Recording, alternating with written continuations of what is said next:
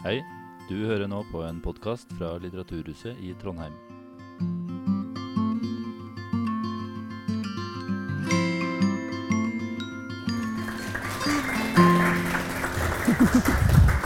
Ja, ja, ja. Skal vi starte lørdag formiddag med å snakke om så lystig som penger? Ja, penger, skam, gyll og alt som gjør vondt. Eh, vi kan kanskje starte med en uh, litt mer utdypende introduksjon. Uh, Carl Fredrik, hvis du starter. Jeg heter Carl Fredrik Tangen. Um, er utdanna samfunnsgeograf, eller økonomisk eh, geograf. Det er som sett på Hva er økonomi for det hele tatt, og hvordan veves det inn i hvordan vi lever i verden? Og, sånn. og den historiske frambringelsen av, av vår tid. Um, jeg er opptatt av at verden ikke bare er så, så det materielle, At det materielle er ideologisk. Da. Altså, du må tenke rundt det også. Det er jeg som lagde tittelen på, da, eh, på dagens se seanse. Jeg har glemt nå. Hva het den? 'Pengenes ånd' og Gjeldens etikk og pengenes ånd. Gjeldens etikk og pengenes ånd. Og det er jo en uh, Max Weber-parafrase, hvor han drøfta liksom, hvorfor uh, blei Nord-Europa så rikt, mens uh, Sør-Europa sto igjen. Og så mente han at jo, det hadde med liksom, katolisismens et arbeidsetikk å, å, gjøre. Jeg vet ikke om det helt er riktig, men den, at ting må, ting må, kulturelt rettferdiggjøres. Da. Gjeld må kulturelt rettferdiggjøres, uh, f.eks. At, at mye penger deg, gir deg rett til mer makt på et eller annet vis. Altså, og jeg kan jo si Det altså det jeg har skrevet om der, dreier seg liksom om sånn, på lite nivå. Da. Hvordan foregår det arbeidet som rettferdiggjør at vi lever i det samfunnet som vi gjør, selv om vi er ganske irritert på den løsningen? Skal følge det opp. Ja, jeg kan godt følge det opp. Jeg heter Runar Døving. Jeg er professor i sosialantropologi.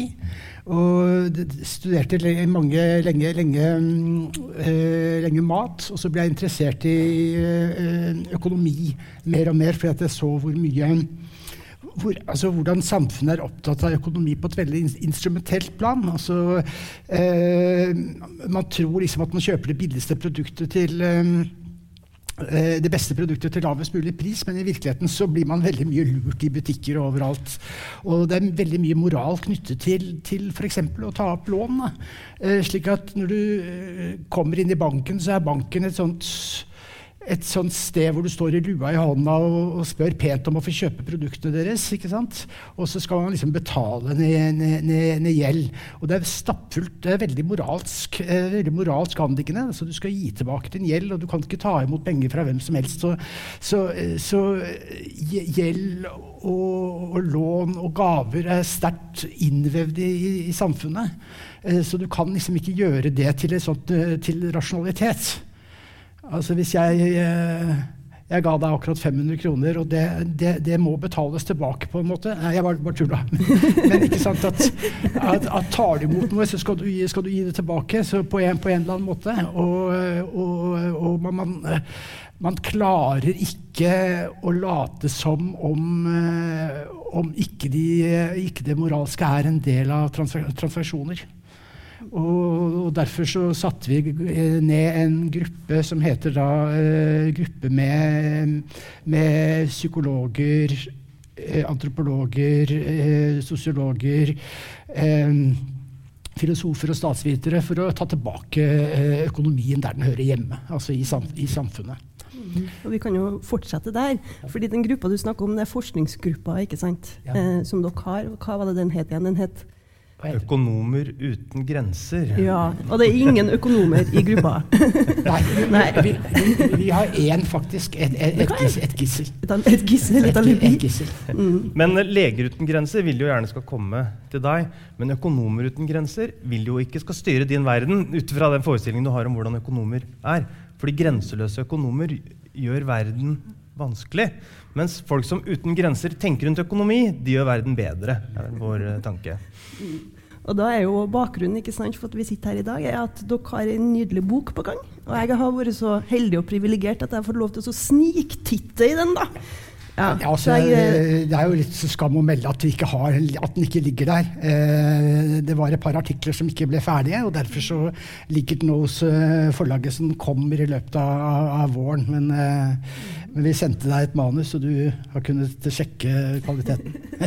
ja, nei, jeg har, jeg har sittet og lest, eh, og det er jo da ei, det er jo da ei bok om skam og skyld, eh, gjeld, om penger, ikke sant? Et sånt forsøk på å utvide forståelsen av hva penger er.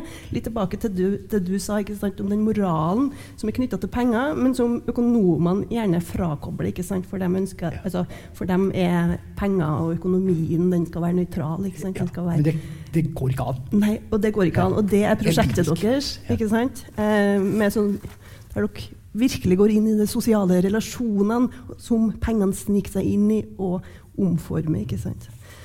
Um, så kunne jeg jo egentlig bare si litt sånn overordna om hva er det dere vil oppnå. Altså, hva handler boka om, og hva vil dere oppnå med den? Hva skal dere reparere i samfunnet? Ja, altså, som, som en av redaktørene bak, bak det, så er det sånn at det, det handler om forskning og interesse. Så, så, så eh, for eksempel så er En av de artiklene som jeg er med på å skrive, der, der ga vi studentene i oppdrag å samle inn data for oss. da.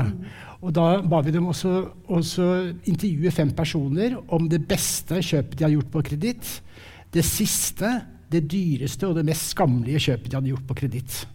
Og eh, Så ga vi den oppgaven i fire år, og så har vi da altså en enormt sett med datamateriale om skam knyttet til, til, til, til, kjøp. Da.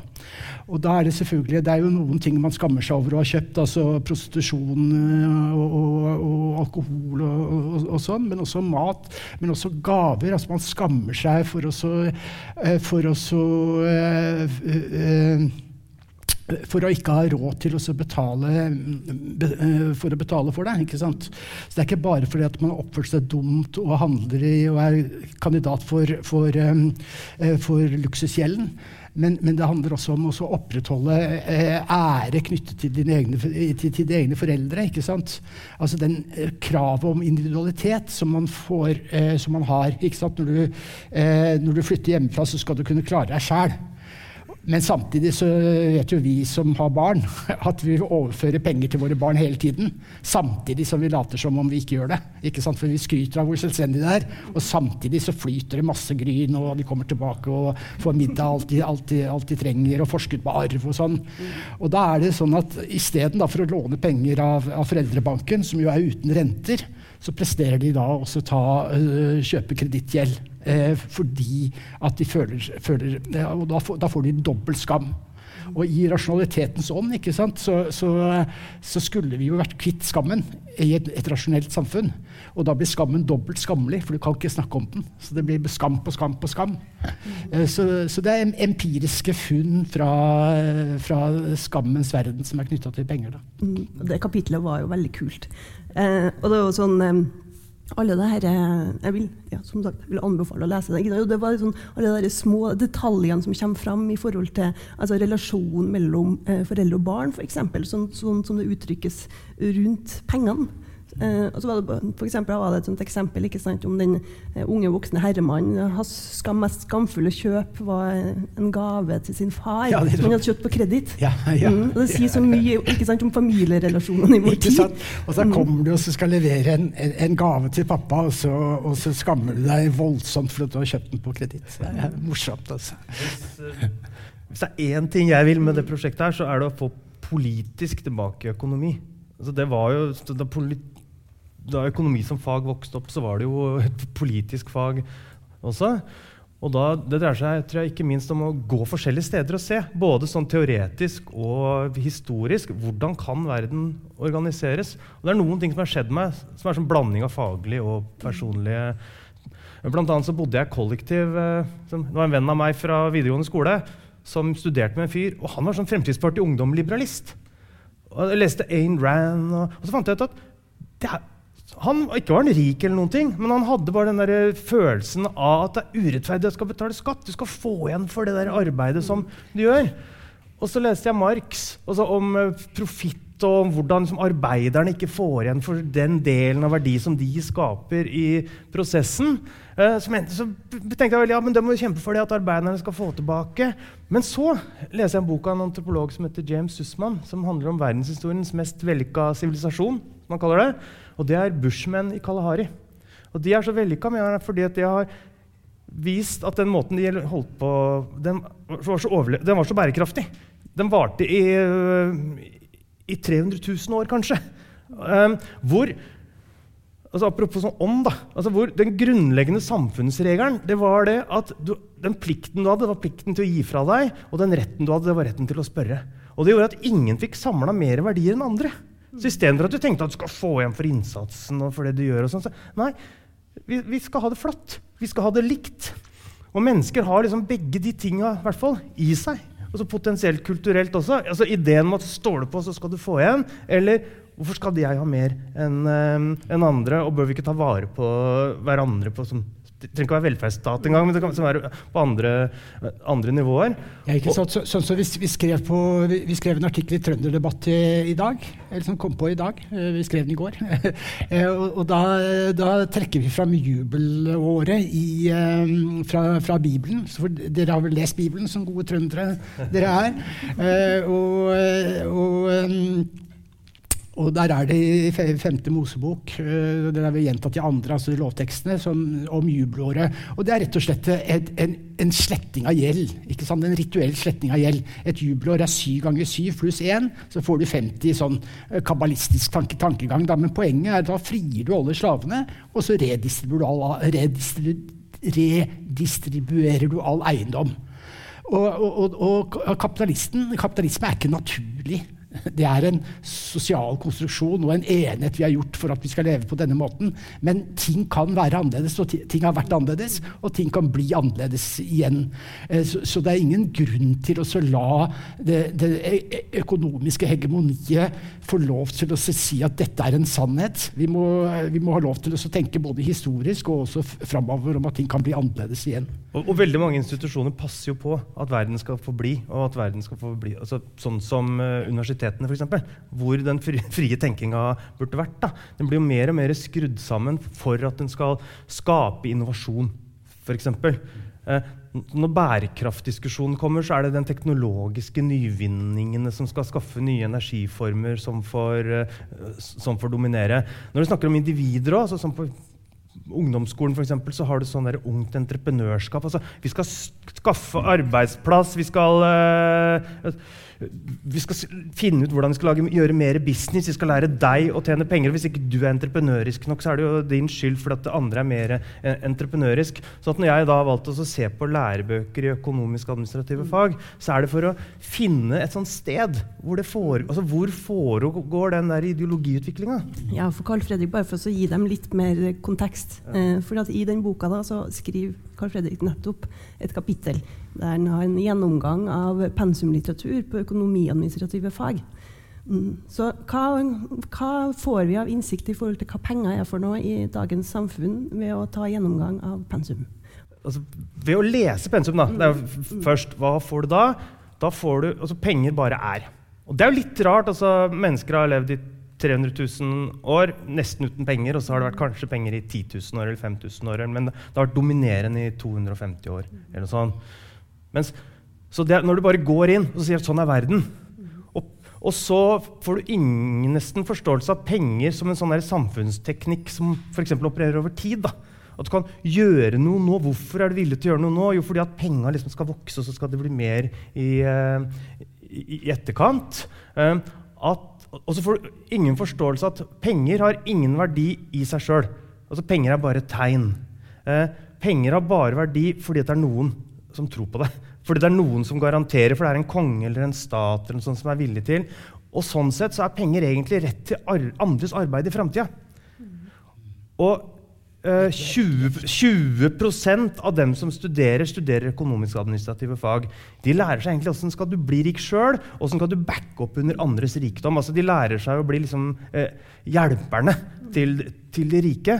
Eh, hvis, du tenk, hvis, du tenker sånn at penger det bare fins der, så skal vi fordele, så skal jeg få mer av de pengene, så skal jeg skape noe, istedenfor å tenke at penger det fins der, de som har det, de kommer til å kue meg. Altså, pe pe altså Penger er en sånn ting da, som bidrar til å gjøre meg til slave. Så det, det, er der du ser den der uh, ideologiske tenkinga i, i, det.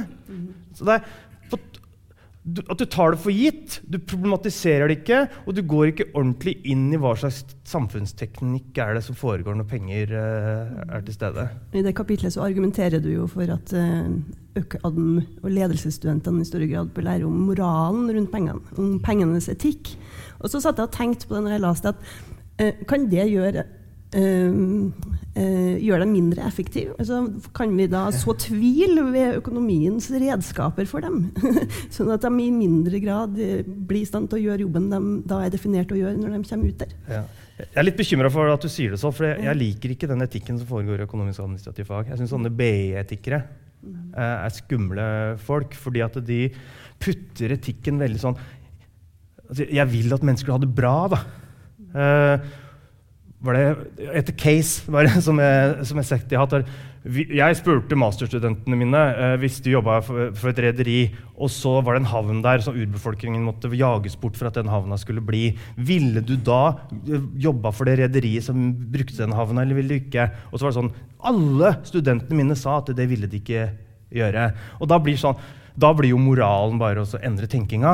Men moralen er jo ikke bare det, for den moralen blir systematisk. Og går, når du først begynner å jobbe for rederiet, så er det så underlagt de mekanismene som tvinger rederiet til å gjøre de billigste tinga, at det er nærmest helt, uh, helt umulig. Så jeg vil vel heller tenke at du skal gjøre studentene politiske. Altså tilbake til det, politiske Det er ikke en jeg vil at de skal forstå at økonomi er etisk. Ikke at de skal, være, at ikke, ikke at de skal bli, Jeg vil at folk skal være etiske, da, men jeg tror ikke det er der det, det, er der det skotter. Sånn at um, De må skjønne de politiske konsekvensene av systemet. Det er kanskje mer det jeg ønsker. Um, og jeg tror at de altså Antropologisk kunnskap for eksempel, denne kan også være ganske instrumentell. Jeg har jobba i reklamebyrå sjøl og jobba som planner. Etter, altså jeg skulle forstå liksom, hvorfor folk oppførte seg sånn som de gjorde når de kjøper melk og velger bil. Og, så det er en Det er ikke noe veldig smart eh, samfunnsforståelse så ofte i den litteraturen. Jeg syns ikke den litteraturen jeg bruker, for eksempel, gjør folk veldig eh, mektige. Og det er en uh, sosiolog som heter Paul Willis han skrev en bok på 70-tallet som het 'Learning to Labor'. How working class kids get working class jobs. Og Den handla om hvordan the lads, altså gutta på en ungdomsskole, blei gjort om til industriarbeidere ved at de ikke klarte seg på skolen. Er du dårlig på skolen, liksom, så, så, så, så, kan faren din bare si at ja, men jeg ordner jobb på fabrikken. Nå har jo mye av den, det industriarbeidet mye av det har forsvunnet. Det er andre typer jobber. Innimellom så tenker jeg at du må yd, Før kunne du bli ydmyka i sju år, og så kunne du gå ut i industrien. Nå må du ydmykes i 20 år på skolen og lære deg personlighetsanalyse og lære om Maslows behovshierarki og lære sånn altså, sånn halvsannheter, opplagtheter og ideologi for liksom å tvinges inn i, i maskineriet. Så instrumentelt, for å forstå seg sjøl bedre og for å forstå samfunnet bedre, så må penger også forstås bedre i denne litteraturen. Altså, du skriver om de unge voksne, for så vidt ikke sant? Pensum er jo til de unge voksne i hovedsak. Eh, du skriver om uh, unge voksne og om barn, ikke sant? og det går igjen i flere kapitler i boka. Er det ei bok til ungdommen? Og når jeg tenkte den tanken, så fikk jeg litt sånn panikk. fordi at Sjøl fikk jeg litt sånn angst. ikke sant? For, jeg på en måte føler at hele den plattformen for at vi kan oppnå et sånt mer uh, fornuftig økonomisk samfunn, bare liksom forvitrer når jeg leser. Jeg får, liksom, jeg får angst. Er det håp for ja, ungdommen? Ja, altså det er, det er det er jo det. Altså, nå skal vi inn til det som kalles mm. jul. Og, og, man får en sånn idé om at det er en sånn slem handelsstand som skal overtale oss til å kjøpe masse ting vi ikke liker. Men én ting ved jula er jo at den er etterspørselsstyrt. Og, og, hvis du liksom skal prøve å gjøre noe med jula, så må du slutte å lære folk å gi gaver. Mm. Ikke sant? Og, altså, hvis man skal gå løs på noen for dette forferdelige ritualet som vi skal gjennom Eller det er jo kjempehyggelig, ikke sant, for all del. Men, men, hvis du skal lære folk å ikke gi gaver, så er det første vi skal gjøre, er jo å gå løs på barnehagetantene mm. som får barna våre til å lage dorulisser. Og så få hvert fall Og så kaste den rett i peisen og så, si at, og så ikke si takk. Eh, ikke sant? Hvis du, skal, hvis, hvis du skal prøve å bli kvitt det, det, det ritualet. Så, så, det er et eller annet med forståelse av hva som er økonomi. Altså, dugnaden er en økonomisk form ikke sant? hvor innsatsen er, er arbeid og ikke penger. Eh, gavebyttet er enormt svært og veldig fullt av moral. Og, og pengebytte, markedsbytte, er også stappfullt av moral. Og vi har eh, et konkursinstitutt, ikke sant? Altså, slik at de aller rikeste de blir jo slått konkurs, og de betaler jo ikke gjeld. Og man, man kunne ikke tenke seg et bankvesen eller et samfunn uten et konkursinstitutt. Allikevel så er det oss vanlige som har boliglån i banken. Eh, vi blir jo ikke slått konkurs, og vi er ikke en del av det. Så vi forsøker sånn generell oppdragelse til å forstå hva penger faktisk er, utover likevektsteorien til, til den banale økonomien, som jo faktisk ikke er sann. For folk kjøper jo ikke det beste produktet til lavest mulig pris. Det er sikkert mange av dere som til og med har lån i, i, i DNB. ikke sant? Ja. Duster, ikke sant? Jeg mener, altså, hadde, hadde, dere vært liksom rasjonelle, så hadde dere selvfølgelig hatt lån et annet sted. Men, men, men og, og da, får, da, da, da, sitter, da, sitter, DNB med sugerør i markedskassa og bare og suger penger fra, fra, fra dere og lurer, lurer, dere. Og det finner dere dere i. Og, og, jeg vil gjerne bare vise liksom hvorfor, hvorfor, disse mekanismene er der. Eh, også vise fram den moralen. Mm. Og det produseres jo millioner på millioner hyllemeter med økonomi, mens den antropologiske økonomien den har, eh, det, er ikke mange, det er ikke mye, mye forskning. Men en av de forfatterne som vi er opptatt av, det er jo David Graeber, antropologen David Graeber, som skrev en bok som het uh, 'Dept the First 5000 Years', altså Gjellas, om Gjellas historie. Og så har han skrevet en bok nå som heter 'The Dawn of Everything', altså alltings opprinnelse, som er en sånn polemisk historiefortelling. Og det han gjør der, er at han det går ikke bare til Bushman, da, men han går til Mesopotamia eksempel. Han går til urbefolkningen i Amerika. Så sier, det, helt, det fins helt andre måter å organisere samfunnet på. Og dagens voksne da, de har jo tross alt med seg for 10 år siden, for 20 år siden, for 40 år siden noe nå. Og det synes jeg, jeg tror at Et bidrag som du kan gjøre da, det er å tenke på forholdet til vekstøkonomi. Ja, var du så fattig på 70-tallet? Det, det, er min periode. 70-tallet, 80-tallet, 90-tallet. Altså, jeg har ikke vært fattig eller rik fordi jeg har fått mer eller mindre. Jeg har vært fattig eller rik fordi det har vært oppgangstider eller nedgangstider. Jeg er liksom fattig på 80-tallet fordi det var nedgangstider. Litt fattig nå fordi renta går opp. Altså, så hvorfor skal liksom lykka vår være underlagt de der svingningene sånn som foregår i økonomien. Da. Når, når de sier at ja, grunnen til at vi har det systemet vi må ha det, er at vi må ha vekst fordi vi må ha mer. Nei, vi må ikke det. Det var helt fint på 70-tallet. Det, er noe annet som, som, skaper opp og ned. Så jeg tror at du, Når du blir eldre, så sitter du på en slags sånn personlig kunnskapsbase om hva som er mulig i verden, som er ditt lille mikrokosmos av det som David Graber, det store lerretet David Graber. Det er et godt poeng. Fordi at, eh, altså, vi gir eh, økonomifaget altfor mye makt. Rett og slett. Og, og, veldig mye av økonomifaget er basert på veldig dårlig teori, som ikke er eh, empirisk forankret. Eh, og det har, vi ganske gode data for oss å si. Eh, eh, Konkurransetilsynet tar rett og slett feil når de sier at, eh, at vi som forbrukere kan forandre verden. Det kan vi ikke. Det er en, faktisk en politisk beslutning. Og, og, det hegemoni misliker, er jo utopi. Fordi at det sier at det kan være ganske annerledes enn det er nå. Økonomifaget er hegemonisk. Så hvis du sier til økonomer ja, men kan vi ikke kontrollere renta, kan vi ikke ha minstelønn, kan vi ikke, så sier de at nei, men da må du forklare akkurat hvordan det skal være. For hvis ikke, så vil jo det, så vil det skje, så vil det gå gærent der, og så vil det gå gærent der. Mens det historien viser, er jo at samfunnsorganisering. Så den kan være veldig hierarkisk. og så kan liksom Tyrannen bestemme hvordan det skal være. Den kan være ganske de demokratisk, og så kan folket på torget diskutere og finne ut hvordan det skal uh, være. Mens den der teorien den har så mye makt at den nekter liksom andre måter å tenke på, med mindre du har hele alternativet ferdig. Og, og det har vi jo aldri. Det er ikke, det er ikke sånn det foregår. Ja, også, jeg, jeg, jeg, og Vi kan også påta oss å være litt arrogante. fordi at eh, altså, I mitt fag, eh, sosialantropologien, så skrev Malinowski for 100 år siden om, om kulahandelen i Melanesia. Og viste at eh, økonomi først og fremst handler om pre, pre, prestisje. Ikke sant? Mens eh, økonomifaget, eh, slik det har, har eh, blitt fram, framstiller økonomi som profittjag. Og det er rett og slett empirisk galt. ikke sant? Og, og, og da kom de for 15 år siden med den fantastiske tittelen 'Atferdsøkonomi', hvor de da sier at økonomi har prestisje.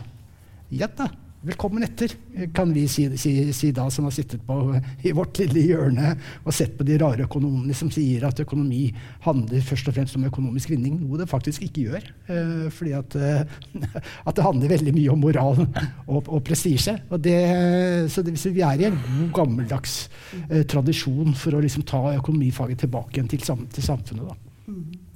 Vi kan gå litt tilbake til luksus, eh, men fortsatt kobla til moral ja. og økonomien og den herre, herre, mm, dramaturgien til økonomien som nøytral. Ja. I ditt kapittel Runar, med den fine tittelen 'Å regjere de andres luksus' ja. så skriver du om SIFOs referansebudsjett og folketrygdens grunnbeløp målt i G. Hva sa du? Folketrygdens grunnbeløp. Ja, mm. ja, det var veldig gøyalt. Kan du si litt om dem? Har SIFO og G moral? Ja, det er veldig gøyalt mm. uh, arbeid. Det er faktisk noe som jeg begynte med for, for 20 år siden. Jeg prøvde å forstå dette G, eh, hva dette G er. Mm. Eh, og, og det står liksom at det er grunnbeløpet. Det er veldig mystisk. Det er kjempemystisk og veldig gøyalt. For jeg måtte på stortingsbiblioteket og gå gjennom arkivene til debattene rundt, rundt grunnbeløpet. Um, og som Finn Gustav, Gustavsen i sin tid kalte grunnpensjonen. Uh, så, så, uh, og da sammenlignet jeg med det som SIFO lager, som er, uh, er, er um, Hva heter det? Standardbudsjettet. Og senere Referansebudsjettet. Referansebudsjett, ja, Som er liksom Hva koster det å leve? Hva, hva, koster det faktisk å leve? Så SIFO lager en sånn beregning liksom, fra ulike familietyper, og så må du liksom, kjøpe en dings og en annen dings som du trenger for å leve. Og G er på en måte et fastfrossent referanse, eh, referansebudsjett som er gjort fra 30-tallet av Carl e. Evang, eh, som har blitt en, en, en indeksregulert beløp som man på en måte kan styre etter. Og det som jeg fant ut gjennom det arbeidet, det, det var at, at, hva det koster å leve, skal være en lav standard. Ikke sant? Du skal ikke ha luksus. Ikke sant? Du, kan få, du kan få kake til bursdag, men du får ikke sjokolade til hverdags. Ikke sant? Og du kan få gå på ski, men du kan ikke gå på slalåm. Og du kan få en dress til å gå i begravelse, men du kan ikke få en gress til å gå på fest. Ikke sant? Så, du, så, så, så poenget er, som, eh, er at de som ikke arbeider, de skal ikke ha rettigheter som de som arbeider, har. Og dette er liksom arbeidslinjas strenge krav i, i, i Norge, ikke sant? som Mimmi Christensen har vært veldig opptatt av i det siste. Så egentlig så skrev jeg det litt på, å forklare, for å forklare han hvordan dette moralske premisset om å styre de andre, andres luksus eh, er et slags overgrep, eller et slags å sette de som ikke arbeider, på plass. For det er bare de som Altså, hvis du har jobba, så har du rett til lørdagsgodt. Ikke sant? Eh, og hvis du har jobba hele uka, så har du rett til lørdagspils. Og hvis du har jobba hele livet, så har du rett til pensjon. Så rettighetene kommer gjennom arbeidet. Så det norske samfunnet så er arbeidet rettighetsgivende. Veldig sterk grad.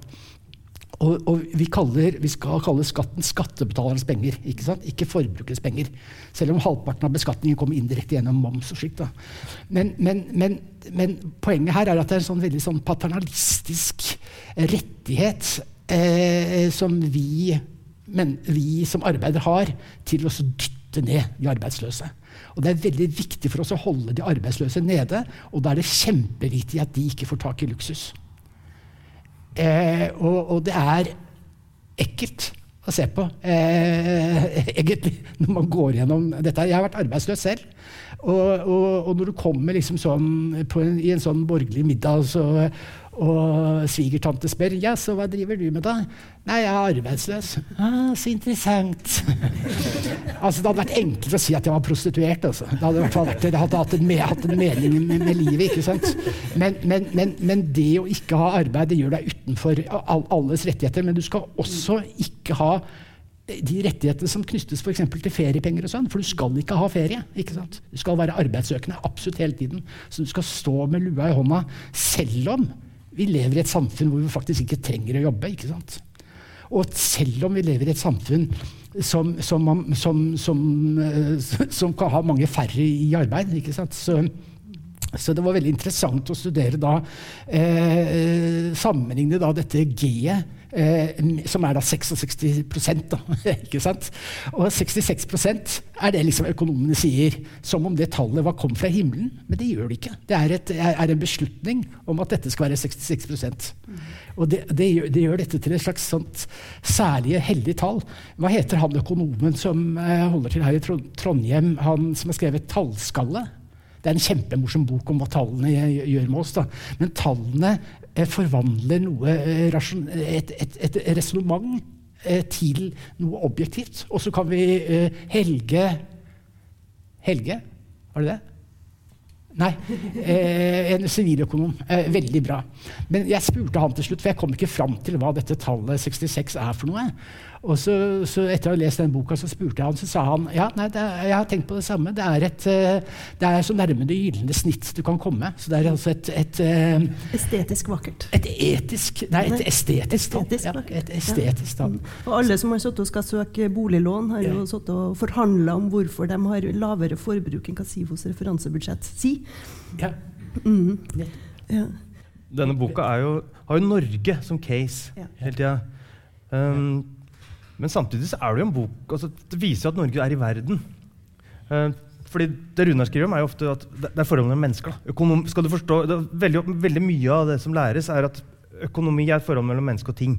Du har lyst på tingen, og så vil du ha mer penger. Så, men det er mer sånn, du er rikere, altså, Rikdom og fattigdom dreier seg om at det er uh, relasjoner. Men sånn er det også å være Norge. Altså Et rikt land i en fattig verden. Og det er jo et av temaene her. Så, hvorfor har oljefondet en sånn etikkommisjon?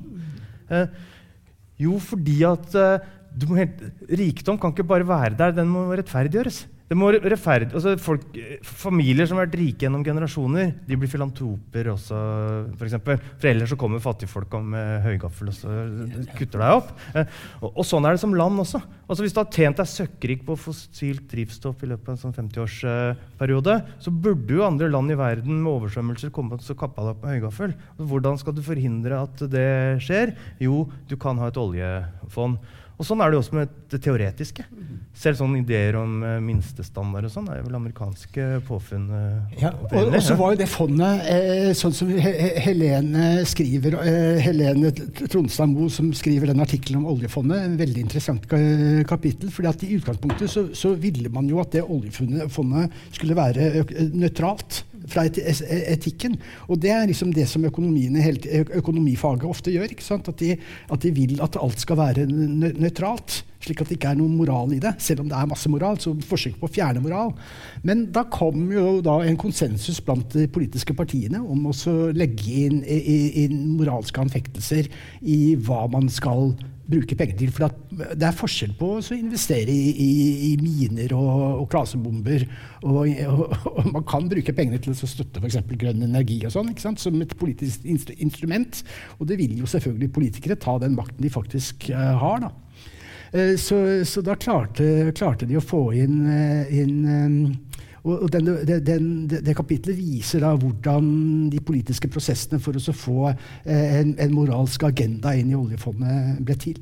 Men den moralske agendaen den kan ikke trumfe den, det, altså det, økonomiske imperativet om vekst. Mm. Det er jo et av poengene i den artikkelen som vi nå skrev om, om DNB. Altså hvor de, som hadde som utgangspunkt at DNB sier at de skal være bærekraftige. Og de har bærekraftig, altså Årsrapporten for eksempel, er pepra med budskap om hvor bærekraftig banken er. Og ikke minst er den bærekraftig fordi den uh, støtter opp under sånn energiskifteteknologi. Men hvis du går inn og ser på det de skriver, så skriver de hvor mye penger de bruker på, på grønn energi i, i, kroner. Og så skriver de hvor mye penger de bruker på fossilt drivstoff, på oljebransje og nye brønner og sånn, i dollar. Og likevel så er det mye mye mer de bruker da, i, i tall. Um, så, og, og, det er kanskje litt talende at han som er direktør for dette her i DNB, han heter direktør for bærekraft og kommunikasjon. Tine også har hatt en sånn direktør for bærekraft og kommunikasjon. Og det har jo med den der ånden altså, Vi må si noe utad. Vi må ha noen søyler eller noe pent eller en overflate eller et eller annet sånt. Fordi folk syns ikke det er bare bra at de driver med ting for å gjøre noen få mennesker mye rikere. Altså Lakseindustrien er jo litt sånn nå Ja, viktig næring for Norge. Arbeidsplasser langs kysten. Dette er kompetanse som Norge har. Dette er noe Norge kan gjøre etter at olja går ned. Og så ser du at det eneste som skjer, er at det er noen få familier som blir mangemilliardærer, og de flytter til Sveits. Og da må altså Sjømat Norge og sånn, da, da må disse liksom fasadeorganisasjonene trå, trå, litt til. Da, så du ser at det er et sånt økonomifag som forsøker å være nøytralt, og så er det et PR-apparat som forsøker å si at vi er det moralsk riktige. Mm. Dere sier at dere er vant til å få kritikk. Uh, så lurer jeg på, Har dere fått økonomer til å lese boka? Og hva ville de ha sagt? Ja, altså Det er veldig in, in, in, interessant. For at vi ga da den boka eh, altså Dette blir fagfellevurdert, som det heter. Jeg vet ikke hvor mange av dere som er i akademia. Altså, men eh, vitenskap eh, framstår Altså man tar utgangspunkt i empiri, ikke sant? og så gir man det inn for et sånt fagsystem. Og så er det noen autoriteter som leser dette her eh, uten å vite hvem vi er, og så, eh, så, så hvor, hvor, man er anonymisert. Og så gir de en uttalelse om at dette holder faglig krav eller ikke. Og en, en, antologi som vi har skrevet, da, det er det laveste nivået for, for, for vitenskap. Men vi ga da eh, dette her til en økonom eh, som godtok eh, alle artiklene bortsett fra to. Og hvor mitt luksuskapittel var et av de som, som ikke ble godtatt. Eh, så jeg, eh, men det var litt sånn kladdete og veldig morsomt. Jeg liker å skrive morsomt. Eh, men vitenskap er ikke gøy. Så all humor må bli borte for, for, for at det skal kunne være vitenskap. Da. Bare for å illustrere hvor morsom du er, da, Runar. Lørdagsgodt er belønningen for barnets utholdenhet etter tørre brødskiver, pellets og kraftfôr som et norsk barn har måttet lide seg gjennom resten av uka. Ja. Jeg syns det var helt fantastisk. Ja. ikke sant? Så det er jo ja, altså død over Hvordan matpakka. Kan det ikke aksepteres? Men ikke, ikke, ikke, for meg til å begynne å snakke om matpakka. Det er liksom litt Kartago. Eh, eh, men, men eh, ja, takk, så det var noe igjen som var, du oppfattet som humor. Men, men, men det var veldig morsom, syns jeg, da, i utgangspunktet. Men da sendte jeg den til, til Men litt tilfeldig så ble jeg spurt av både NRK om, i denne luksusserien på norsk, Norgeshistorie og av tidsskriftet Luksus, nei, Arr som er et idéhistorisk tidsskrift. Og de godtok artikkelen med da ganske mye grundig eh, omarbeiding i et idéhistorisk perspektiv. Men økonomen eh, som, som, var, som, var, Det var faktisk en økonom som var fagfellevurderer for de andre artiklene. Eh, så, så, økonomen godtok det. Men det er sannsynligvis en økonom som Eh, som er åpen, eh, til en viss grad i hvert fall. eh, men vi får, se, vi, vi får, se, Jeg har krangla med Trygve, Trygve Hegnar noen ganger. Mm, som, eh, det er en veldig morsom artikkel som eh, Jeg nevnte Hegnar et sted for å, liksom bare for å få opp temperaturen. Sånn Name-droppet jeg han. Og da havnet jeg jo i hans han, han skriver sånne ledere. Så han skrev Jeg heter Døving, ikke sant? og det er veldig gøy, fra barneskolen. Og da skrev han 'Døving sløving' som overskrift på, eh, på sin uh, på sin leder. Jeg er veldig fornøyd med det, for da fikk jeg anledning til, også, til også, å debattere i hans spalter i Finansavisen. Så, øh, men jeg har blitt så gammel at jeg er ikke, jeg er ikke redd for økonomer. Jeg, økonomi er heller ikke en beskyttet tittel, så jeg, jeg, kan kalle meg selv økonom. Mm. Uh, og, og det, det, kan jeg jo. Jeg underviser jo økonomisk antropologi. Så, så, og, det, og, på en høyskole, business school. Og, de studentene de liker det perspektivet. Så, så, uh, så vi har eksistensberettigelse. Og, og, så, så, jeg er trygg på, på den empirien og det, og det, det vi gjør, ja. Mm. Um, men økonomi som fag har jo havna litt sånn inni elfenbenstårnet. Ja. Uh, ved at det forholder seg veldig til matematikk og statistikk. og Sånn at samfunnsøkonomene og, og de beinharde økonomene på Handelshøyskolen Men økonom som praksis, altså drive butikk og De forholder seg jo ikke til verden sånn. Det er jo ingen som driver en butikkjede som tror at du skal si prisen, og så skal kunden se prisen, og så skal dere finne liksom en sånn verdifellesskap. Jeg tenker at Nei, vi har én pris som er to for tre, og én pris som er 70% og én pris hvis du har æ-kortet, så skal du få rabatt på varen din. Altså, full, altså, det er bare det fullstendig forvirrende. Det er ingen som selger bredbånd som tror at du skal prise bredbånd. Nei, vi tar tre måneder gratis, og så skal du betale så. Etter et år så kan du si opp kontrakten. og hvis du legge på det, så altså, Sånn at de som holder på i praksis, blir jo kloke mennesker. Har du et eiendomsprosjekt og skjønner at du må lage, sette Kiwi fram på, på, bildene for å selge og, Så det er jo å si økonom jeg synes nesten Det kan være vel så forvirrende som det er uh, forklarende. For det er så inderlig stor forskjell mellom denne matematiske modellen med en sånn tradisjon som er utvikla fra 1870 og framover, og alle selgerne og næringsdrivende. Ja, og så er det også, også det at jeg reduserer, altså Hvis dere faktisk leser Adam Smith, da, som jo ofte blir kalt uh, en liberalistisk økonom, så er han først og fremst en moralfilosof. Altså, det er jo fantastisk å lese altså, han, han, han, kan jo ikke bli lest noe særlig. Uh, men det snakkes om den usynlige hånd, og det er jo et, et skikkelig marginal parentes i hans uh, The Wealth of Nation. Uh, så, så, her er det jo stappfullt av moral. Så, så, så, nei, det blir veldig gøy. Vi, vi, vi, uh, det skal bli gøy å krangle med økonomer. Eller jeg trenger ikke å krangle. Uh, jeg skal være nedlatende. men, men, men, gjennom historien så er det noen som har vunnet noen slag som jeg vil ta om igjen. Jeg syns Adam Smith vant et slag. Mm. For på den tida så var det strenge reguleringer av korn- og brødpris i England på 1700-tallet. Som sa det at, Blant annet så sa det det at uh, Eh, mølleren han må selge kornet lokalt fram til klokka ett. Det er først etter klokka ett du får lov å ta kornet til London og selge deg. Og så det, var det fast uh, pris på det.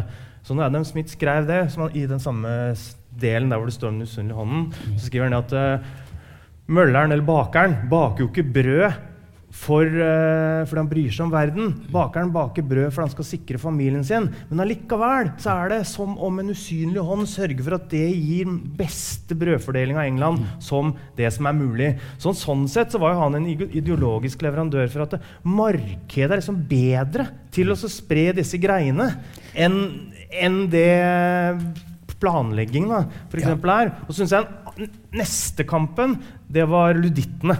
Altså Tidlig 1800-talls uh, maskinstormere. Liksom. Det var, de ville ikke ha framskritt og ville ikke ha teknologi. Nei, det var ikke det. Det var håndverkere som kjempa for faget og for, som lager lange produkter som varte lenge. Som sto mot kapitalister som ville ha ufaglærte arbeidere og, og høy utskifting av, av produkter. Ja. Og økonomifaget er liksom backup begge de tingene. Ja. Og absolutt, altså, det, er, det, er, all grunn til å, til, til å, støtte det. Og et godt marked er et godt marked. Men hvis, jeg vet ikke om dere har forholdt dere til strømmarkedet, eh, f.eks. Er strømmen vare, eller er strøm infrastruktur? Ikke sant? Eh, man kan godt prise veiene på samme måte. Ikke sant? Vi kan få hver vår skip, og så kan gående betale litt, og så kan bilister betale litt, og så, litt mer. Og så eh, kan, kan, vi la, eh, kan, vi droppe eh, veiene fra skatten, og så kan vi la, la, bruken betale det hele. Og så kan vi la, liksom, la disse eh, veiselskapene sende, faktu sende fakturaer og in inkassobyrå. Så man kan godt lage flere markeder, eh, men, men, men, det er under tvil at strøm er en vare som alle andre varer, som brød. Det er, en grunn til at brød er et perfekt eksempel, for det, fungerer veldig lett i et marked. Men hvis du føler deg lurt av et strømselskap, så er det stor sannsynlighet for at dere er det. ikke sant? Eh, og jeg er en av dem. vi må begynne å runde av. Vi har faktisk 30 sekunder igjen. sånn sirkumsarium. Men er det noe vi ikke kan beskylde økonomene for? Nei.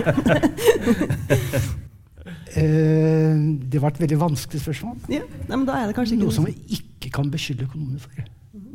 Nei, altså, vi trenger ikke å beskylde dem for noen ting. Egentlig, e-, egentlig altså, de, altså, Det snakkes om Eiffelbeinstårnet. Og jeg er veldig empirisk forsker. Jeg, jeg, jeg, studerer et fenomen, og så forsøker jeg å forstå det fenomenet. Uh, og da er det veldig interessant liksom sånn, uh, altså økonomene, økonomene, er veldig smarte ved å lage et sånt Eiffelbenstårn. Og de har til og med lagd en, en, en, de har sniket til seg en nobelpris. Som ikke har noen ting med Nobels testamente overhodet å gjøre. ikke sant? Så det, det, finnes ikke en nobelpris i økonomi.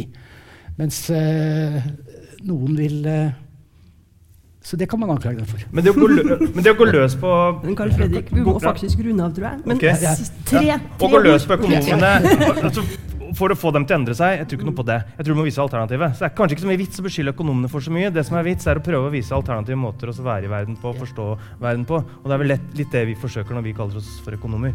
Ja, jeg støtter Tangen, som går, går inn for 100 ein- eh, arveavgift. Den andre tangen. Skål. Skål for det. Takk.